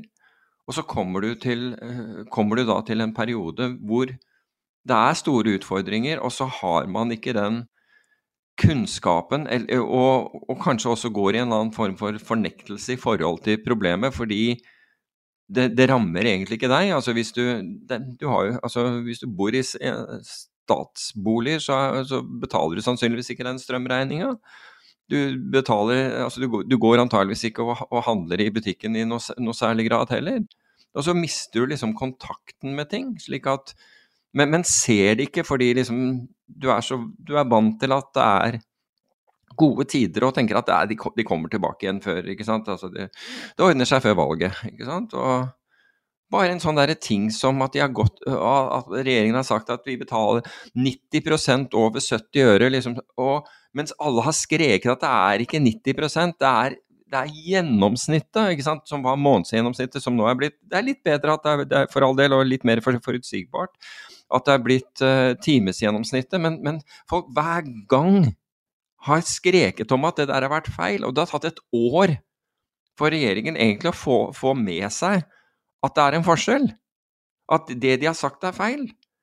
Jeg vet ikke, altså nå, det, ikke være, det er ikke ment som politikerforakt, men jeg tenker jo at også i bedrifter som går godt, så er, så er kanskje kvalitetene som, som, led, som, ledere har under de tidene, ganske forskjellige for, for, for, de kvalitetene du søker når det går dårlig. Noen har begge deler, for all del. Noen er i stand til å, eh, til å omstille seg, men da er det darwinismen, altså, eller Darwins ord om du vil, altså hvor altså det, det, som bringer menneskeheten videre, det er faktisk vår evne til å omstille oss. altså Det er det som ikke bare bringer oss videre, altså det er det som gjør at vi overlever. Og de som, de som overlever, både bedrifter, nasjoner og andre, har ledere som enten omstiller seg, eller som sier at vet du hva, her, her må vi ha inn andre. Og det er en form for å, for å omstille seg også, fordi nå er utfordringene våre helt annerledes enn det jeg noen gang har sett tidligere. Det er en fair sak. Kan jeg bare beklage at jeg ble litt emosjonell? Eh, det er veldig slitsomt å høre på folk være sint. Nei, men av og til så vipper det over. Altså, jeg mener det. Altså, det er dumt for en podkast. Og... Nei, det vet jeg ikke. Jeg vet det kom helt altså, Jeg vet ikke hvor det kom fra. Jeg vet ikke om det er Det får lytterne avgjøre om det er dumt for en, eh, for en podkast eller ikke. Men, men, det vi vet, da, og det, og det, er utvilsomt, det er jo at det er mange som føler på akkurat det du uttrykte. Det er jo ting som blir bedre og bedre, syns jeg. Altså Ta f.eks. disse gjennomtakelsene av, av saker hvor, hvor, hvor, man Det har tatt altfor lang tid, men i det minste så har de blitt tatt opp igjen, og man har funnet ut at man har dømt uskyldige. Og, og nå har man Og nå, altså ved at man har utviklet seg, og det, det, er vel kanskje det operative uttrykket her, at man har og nøkkelen, det at man har utviklet seg til å forstå av hvordan avhør øh, skal gjøres. Nå heter det ikke engang avhør, nå heter det vel samtaler eller et eller annet sånt. Men, men, i hvert fall hvordan det skal gjøres på en riktig måte for å få frem sannheten, og ikke, og ikke nødvendigvis få noen dømt. Hvor liksom vi må løse denne saken, spiller ingen rolle egentlig. Vi tar den som er mest sannsynlig og bare trykker på. Uh, enten psykisk og fysisk uh, Ikke fysisk i Norge, tror jeg, men altså det, er, det, er, fysisk ubehagelig sikkert å, å, å sitte inne tid, så du blir nok ground down av, av det, både fysisk og psykisk. Men, men, hvor målet er å få noen dømt, og det er I hvert fall kan det virke sånn. Det er mindre viktig at det er den rette personen. Og når jeg har hørt på en del ting i, i det siste, jeg har hørt bl.a. på podkaster, hvor jeg har hørt det, i, i, det siste hvor man har full Altså, det, det, har vært en sånn ukultur at man kunne ikke si fra om dette. Da, da, da, det var i hvert fall da, Det var ingen, ingen, karrierevei å gå, for å si det på den måten. Man kunne ikke si fra om sine, sine uenigheter, at dette her holdt ikke mål. Så, så, du kan si at når, når, vi ser at nå skjer det, så må vi også kunne si at takk og lov at, at det skjer nå. Takk og lov at det, at det, skjer nå, fremfor at det skjer om fem år, eller ti år, eller aldri. Så Og det må vi være, være takknemlige for. Og så er det selvfølgelig forferdelig for de som har lidd urett i ja, for noen over ti år, da. Det er grusomt. Skal vi touche fem minutter innom AI? La oss gjøre det, så vi kommer, kommer av dette sporet. Ja. Uh, interessant å se det utspille seg. Uh, Microsoft har jo uh, definitivt vunnet året så langt i tech-bransjen. de har Jeg må se hvordan det går year to date her, men de er vel opp Ja, det har tapt seg litt, da, men de er opp 7 eh, year to date. Og uh, de har jo også fått en veldig styrke. Jeg hørte en, en interessant tall at for hver prosent deres markedsandel øker på søk, så genererer det omsetningsøkning på 2 milliarder dollar. Så når de har investert 10 milliarder i ChatGPT, eller i OpenAI, da, mm. så, så, skjønner de jo ganske fort hvorfor de har gjort det må si at implementeringa så langt er ganske klumsete. Først og fremst så Bing, som er søkemotoren de implementerer det her i, er jo de har ganske mange sånne litt sånn skitne triks og alle mulige slags sånn bonuspoeng. Altså, de har gjort alt mulig for at folk skal bruke bing.com. Så når du kommer inn der nå og skal se på AI-en deres, så blir du møtt med mye sånne rare ting, og så prøver de å få deg til å installere deres egen nettleser som heter Edge, og så prøver de å altså, å, altså Det er mye sånn her, kom igjen, ikke bruk sånne skitne triks når du har noe så magisk, men det får nå være. Så folk har begynt å få tilgang til den nye eh, versjonen av ChatGPT, som er sannsynligvis versjon 3,5 eller versjon 4, som vil være et kvantesprang framover uh, for, for uh, kunstig intelligens i sånn chatform. Men foreløpig, så det man har sett da, er jo mange svakheter i det systemet, eller styrker, litt av hvordan du ser det. F.eks. det at uh, den er veldig emosjonell. Så du kan manipulere fram emosjonelle svar fra ChatGPT der den til slutt ber deg holde kjeft og sånne ting. eh, og så kan du få den til å bli deprimert. Litt sånn som uh, hvis du har lest den der Hva heter den der sci-fi-boka der Hva heter den? Den der britiske sci-fi-boka der svaret er 42 og alt det der. Hitchhiker's Guide to the Galaxy. Der har du jo han Android, han der roboten som er så deprimert. Sånn er på en måte ChatGPT litt. Du trenger ikke lese en bok for det, du kan bare høre hun der Tracy Chapman synge, og så må du fjerne tau, skarpe objekter og bilder. ok. Jeg tar ikke referansen, men jeg tror på det. Men i hvert fall eh, Også nå har Microsoft tatt grep, så nå har de begrensa antallet. Altså, de lar deg ikke gå inn dype samtaler for å manipulere eh, på en måte algoen. da. Uh, så, men det er interessant å se at de får problemer med en gang. Google fortsetter å ha troverdighetsproblemer rundt deres AI, som heter Bard. Og så, og så hadde Goldman da Jeg prøver bare å ta litt sånn oversiktsbilde, bare hvor vi står akkurat nå. Så Microsoft har mista litt av det positive de hadde, men de kommer nok til å tjene godt på det her, er det som mange tror. Så Goldman hadde en rapport ute på, uh, i forrige uke om uh, de har laga noen nye, noen nye indekser for seg sjøl så hvis du er Goldman-kunde, så, så, har de laga sånne baskets, men uh, som er da en, en, USA, Kina Korea, og så en global basket da, for forskjellige selskaper knytta til AI. Det som er interessant med den amerikanske, det er liksom, Når du kommer til kinesiske, så er det vanskelig for meg å vurdere, jeg vet ikke hva selskapene er, men det ser ut som det er en del spesialiserte. I den amerikanske uh, AI-basketen uh, så bare masse IT-selskaper sånn store. Microsoft, Alphabet, Nvidia, Baidu, Meta, Snap, Salesforce, Adobe. Så bare sånn, OK, så det her er ingenting, liksom. Uh, jeg bare syns det var interessant, og det, jo, det, her er jo en hype så til de grader. Um, og så sleit jeg litt med å sove i natt, da. Så jeg satt og researcha uh, sånne um, datasentertjenester fra Nvidia. Um, og ble veldig fascinert over uh, jeg, eller, hvis du har hørt på podkasten en stund, så vet du at, at, at, jeg er ganske glad i datasenter av en eller annen grunn. Jeg kan ikke forklare det. Og vi hadde intervju med Morten Lindemann fra, fra Infront, han starta Infront, og han sa jo at, at, det var et veldig sykdomstegn. Det er veldig, noe veldig galt med deg hvis du liker datasenter. Men jeg gjør det, da. Um, og så er det interessant å se på det som Nvidia har lansert um, de siste tolv månedene. De annonserte det for, for ti måneder siden.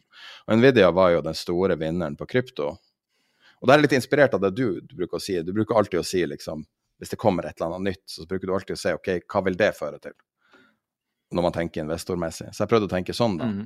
med AI. Hva vil det føre til? Og så ser du Goldman liste opp basically hele, alle IT-selskaper. OK, det, sånn kan du ikke tenke. Og, og, jeg kommer fram til at det store supplieren her, altså det store vinneren her må jo være den som supplier hardwaren, fordi at det her er ny hardware du trenger. Og skal du bygge et AI-datasenter, f.eks., så trenger du du kan bruke vanlig hardware, men skal du være effektiv, spesielt på strøm og sånne ting, så må du ha ting sånn som f.eks. en tensor chip, som er et data Det ser ut som en GPU, altså som en sånn du bruker for å spille dataspill, men den brukes Den kan ikke brukes til det, men den kan brukes til, til eh, AI-beregninger veldig effektivt. Da, veldig lavt energiforbruk. Og de har bygd noe som heter H100 og A100, som er to forskjellige. Det ene er for å kunne ha på kontoret, som er utrolig fascinerende. Det koster 1,5 million for en boks og det ser ut som en datamaskin, og står ved siden av PC-en din og har uh, jeg tror det er fire sånne av den A100-chipen i seg. Og Da kan du på kontoret sette opp din egen AI-løsning. La oss si at du er et hedgefond. Kan du kjøpe din egen AI-maskin, Uh, har du uh, et team som eh, spyr inn data, og så får du ut dine egne, dine egne kalkyler, f.eks. på finansdata, der du kan eh, bygge opp eh, eh, med veldig, veldig heavy kapasitet. Basically et datasenter i en boks. Og det som er, fint med det, er jo at du ikke er avhengig av sånn tredjepartsleverandører som kanskje snoker på deg, og som tar betalt per enhet, så det blir fort veldig, veldig dyrt. Så jeg syns det var en interessant produkt. Jeg har aldri sett noe lignende. Også et utrolig pent designa produkt, så det her er tydeligvis noe de vel skal selge mye av. Og så har du H100, som er et sånn datasenterprodukt som, som er meninga å plugge inn. Og når du begynner å gange opp de her tallene, her, så blir det store summer. Og så gikk jeg så på Nvidia-tallene, og så ser du at i deres eh, kvartalstall siste, så er datasenter både det største og det første som står i pressemeldinga, som indikerer at det her er viktig. Og salgene deres er opp 31% så jeg tror at sånn som det ser ut akkurat nå, så kan Nvidia være vinneren i AI-krigen. Nå er det en kinesisk chip som kommer nå, som kom helt nylig, som kanskje kan altså spille mot dem. Men det er bare interessant å se sånn på det. Sånn, sånn, jeg tror du ville analysert AI på den måten. Så jeg prøvde å tenke sånn, hvordan, hvordan tilnærmer man seg det? Hvordan kan man finne dem som selger de, de digitale spadene til gullgraverne? Nettopp. Jeg vet ikke noen andre enn Nvidia som gjør det, men det kan godt være at det er det. Det kan være at jeg er helt skivebom nå. Så ikke, og det er definitivt ikke noe investeringsanbefaling på noen måte. Nvidia har masse problemer med mange ting. Men jeg bare sier at de har gjort store dealer med Microsoft, med Oracle. Så bare det at de selger til Asher, ikke sant. Uh, de har solgt tens of thousands of A100s and H100s. Altså, wow. hver, av den, hver av den koster 150 000 uh, kroner, tror jeg. Nå husker jeg ikke, men det er enorme sum. Eh, altså, la oss si en sånn ser ut som et grafikkort. Det er ca. 100 000 kroner. 150 000, litt avhengig av uh, ja, flere ting. Det er jo et økosystem rundt der også som koster penger. Men basically det er noe interessant som skjer her nå, som er litt vanskelig å få grep på. Men jeg kan si at jeg har aldri sett noe i IT-verden fange oppmerksomheten så mye som AI har gjort. Og så kan man sitte og fable om at man kan bruke det til juksing på skolen og, sånn, og bare misse hele poenget. Det her er som å finne opp TCP-IP. Det her er mm. liksom som å finne opp internett. Altså, det her er nok sannsynligvis så stort. Og når man har det økosystemet ferdig, bokstavelig talt i en gullkasse fra Nvidia, det er gulldesign på det her, Altså, det er så fiks ferdig. Det var jo vanvittig flaks for dem at de hadde det produktet ferdig akkurat når det her kom. Så det, det er litt sånn AI-oppdatering hva som har skjedd. Så man trenger ikke å se på uke for uke og sitte og prøve å, å, å lure en eller annen chatbot til å si feil ting. For det her er noe store greier, altså. Og, og nå kommer hardwaren også. Og du kan ha den hjemme hvis du har 1,5 million, million å bruke på det så kan du ha det på kontoret. Og, og, det er ikke så dumt som det høres ut som. Hvis du er et fond, så kan det her være verdt pengene. Altså. Ja, det, det, er klart at alle er ute etter en, en eller annen form for, for edge. Det, men det som har vært utfordringen, det har jo vært å, å klare å definere ting riktig. Og for, altså, alle, det var som jeg tror jeg sa i denne podkasten, eller om det var Patron-episoden, men alle skulle ha Alle assosiert seg på en eller annen måte av forvaltere med AI for noen år, år tilbake. Men så viste det seg at de kunne jo ikke bruke verktøyet, fordi de, de, hadde ikke kunnskapen til å gjøre det. Men ChatGPT er vel den som første som på en måte gjør det som et produkt. Nå, nå er det riktignok innenfor uh, language processing det uh, den gjør. Men du har jo hatt Du har da, som jeg nevnte, Exabel, som da har laget det som en, som en finansiell applikasjon, slik at, at du, du, trengte ikke å, å, å være liksom blant uh, topp fem-studentene på NTNU for å, for å, klare å bruke noe ut av det. Det er jo det, er jo det altså gjør, gjøre dette vennlig nok til at uh, til at folk uten den, liksom, den spisseste spesialkompetanse er i stand til å få, få, noe ut av det. Og det er vel det ChatGPT gjør for language processing òg. Eh, skal vi ta litt om Patrion? Vi snakker aldri om Patrion som, liksom, som det er noe å skamme oss over. eh, men vi, vi, burde kanskje nevne det litt, og hva det er for noe, og hvorfor vi gjør det. og Kjør på. Eller vi er jo litt over tida, sånn sett, men uh, for det første så må vi jo forklare hvorfor vi gjør det her, da. Hvis du går på podtoppen og ser på de største podkastene, så ser du jo ganske tydelig hva Podkast-Norge er. Det er NRK, det er store mediehus, og så er det en håndfull podkaster, og så er det oss. Mm. to, to uh, personer som bare sitter alene med det her, og uten uh, ryggdekning og uten organisasjon og uten noe, egentlig. Og bare prøver å lage innhold. Så når vi lagde Patrion, så var det jo også fordi at altså, vi har jo en god del reklameinntekter. Men det er også det å kunne ha noe i bunn, men også det å kunne Hvis vi vil lage noe ekstra ting, så har vi på en måte et naturlig sted å putte det. Sånn at podkasten kan være en sånn forutsigbar sak. Det er det samme hver uke, i samme format, sånn at du ikke føler at det her er liksom vanskelig å forholde seg til.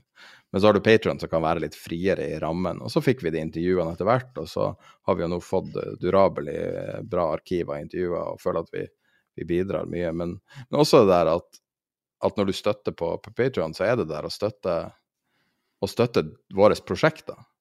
Hele Tid er penger-prosjektet. Og jeg føler at, at, det er et fellesskap. altså Bare chatten og alt sånt. Det er jo ikke vår chat, det er jo lytterne sin chat. Og, og alle de her tingene her er jo fordi at vi ønsker å lære hele tida. Det er jo veldig egoistisk det vi driver med, egentlig. At vi prøver å lære av de intervjuobjektene, og så tilfeldigvis blir det bra intervjuer og bra innhold av det. Um.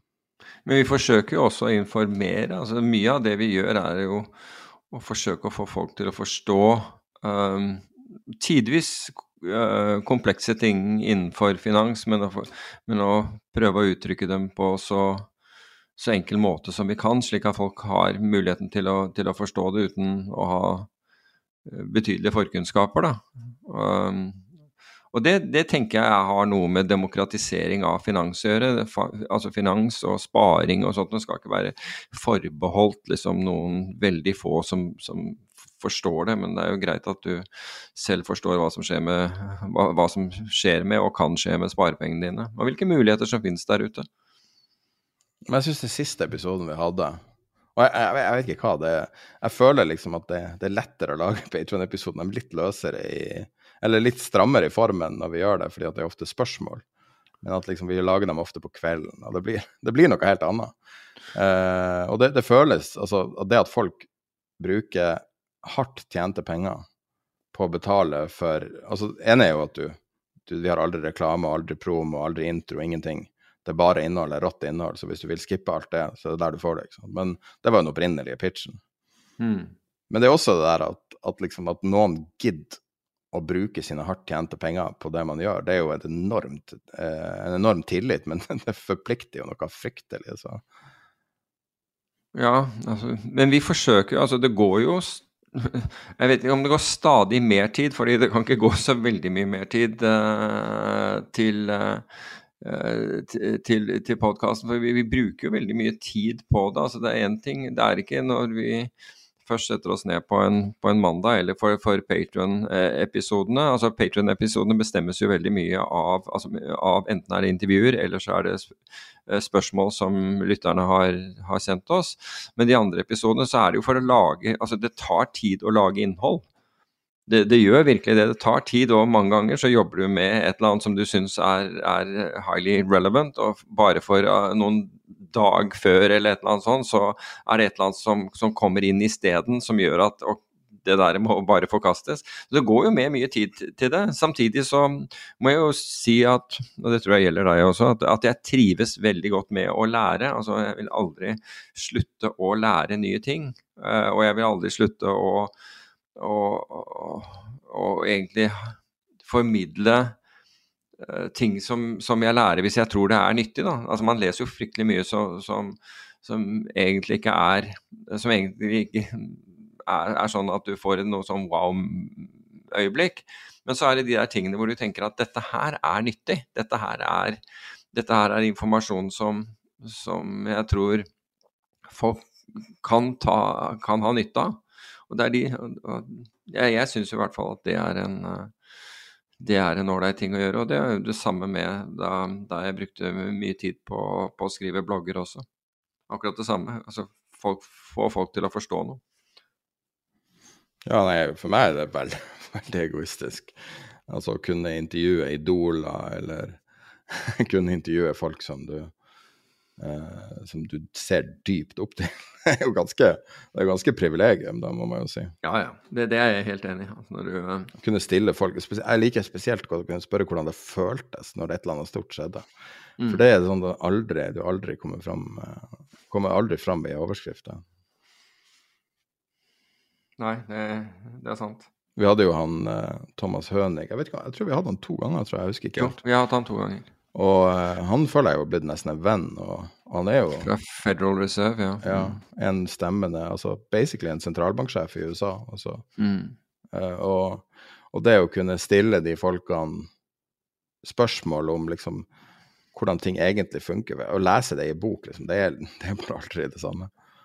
Ja, jo, men, ja altså få beslutninger altså hvordan det var, altså beslutninger som fattes, altså hva som var bakgrunnen, hvordan, hvordan de de ble gjort, altså hvordan de tenker rundt disse altså beslutningene som, som, kan være utrolig viktige. Noen ganger så er de, jo, er de jo livskritiske, andre ganger er de tidskritiske. ikke sant, Så altså få det er, det, er, det er, ting som jeg tror er, er nyttig å høre. Um, selv om, selv om, det er klart at det er, det vanskelig Altså Noen ting, altså fordi det er så mye følelser gjerne knyttet til den type beslutninger. Altså ikke det at du Altså én ting er beslutninger, men du føler, altså du føler på en måte presset.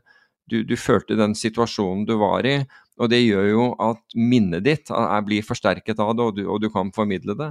Og Jeg syns også det er utrolig nyttig å formidle feil man har gjort, sånn at ikke folk gjør de samme feilene uh, som deg. Og det har, det har, vi fått honnør for flere ganger fra folk. Um, at de har unngått det, og vi har jo også fått honnør av, av folk som har klart å, å benytte eh, metoder som vi har, vi har, vi har eh, omtalt for å, for å, suppress, hva heter det, for å, for å redusere frykt. Ja, for, for, å, for å undertrykke frykt. Um, der fikk jeg en, e-mail som jeg virkelig satte pris på, hvor, hvor noen hadde, virkelig hadde flyskrekk. Virkelig flyskrekk. Og hadde brukt da denne, en, en, en, pusteteknikk. Og opplevde en, noe helt annet enn en tidligere. Altså fikk mye Hadde helt annen kontroll på, på seg selv. Og, og når jeg leser sånt så tenker jeg at åh, det, er, det, er, virkelig verdt det. Det er, det er veldig ålreit å, å, å, kunne formidle sånne ting. Så det var bare Jeg tenkte vi måtte, måtte bare ta det i den åpne episoden om, om Patrion og hva det er vi prøver å gjøre. og uh, Du var jo veldig bekymra for at du skulle se det som tigging osv. ja, jeg, jeg, jeg, var jo helt jeg, jeg, var jo imot det i var det halvannet år, i hvert fall, eller et eller annet sånt. Um, kanskje det var, var, var lenger, men men du hadde rett. altså Jeg trodde, jeg trodde ikke at uh, jeg, jeg, trodde ikke at dette passet liksom det norske lynnet, for å være helt ærlig. Jeg, Men du har jo alltid sagt det der at når du har et foredrag, så foretrekker du at folk betaler for å være der. For hvis ikke, så hører de ikke på. Ja, altså, og det er ikke noe som jeg har funnet på. Det, det lærte jeg av, av, no, eh, av en annen uh, som, som, jeg hørte på, og som jeg hadde betalt for, for å høre på. Og, og det, det, er noe i det. Skin in the game.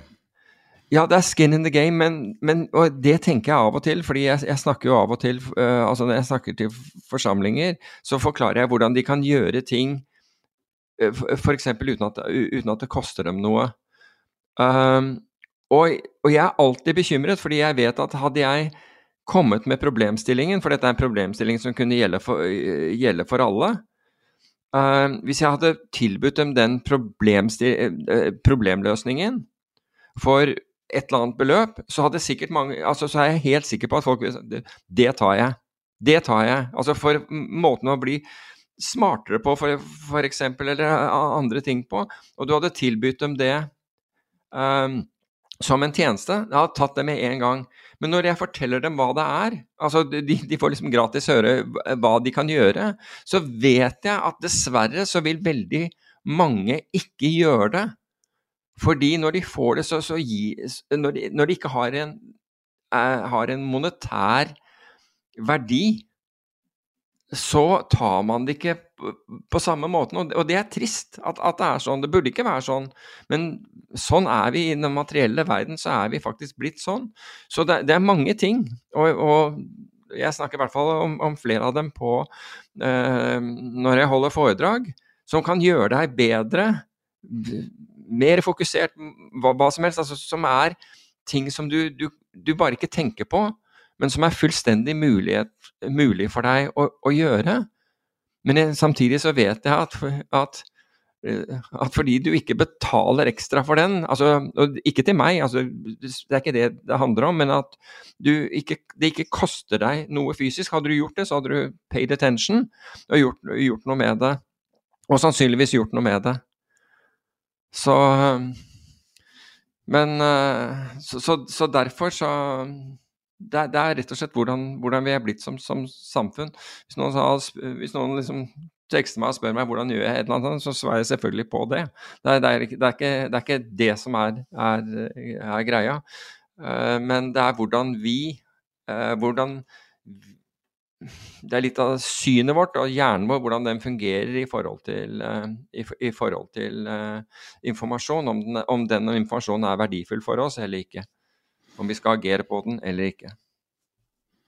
Følte det var en grei ting å avslutte episode 199 på. Ja. Tidapenger.no skråstrek Patron. ja, da, ja, da kan jeg jo Liten promo. Liten promo. Det var mye Men, hyling og skriking i denne episoden, så fint å slutte på noe litt uh, positivt eller nøytralt. Da kan jeg i hvert fall ønske de som uh, bor på Østlandet en fortsatt god uh, vinterferie, og takk for at du lytter.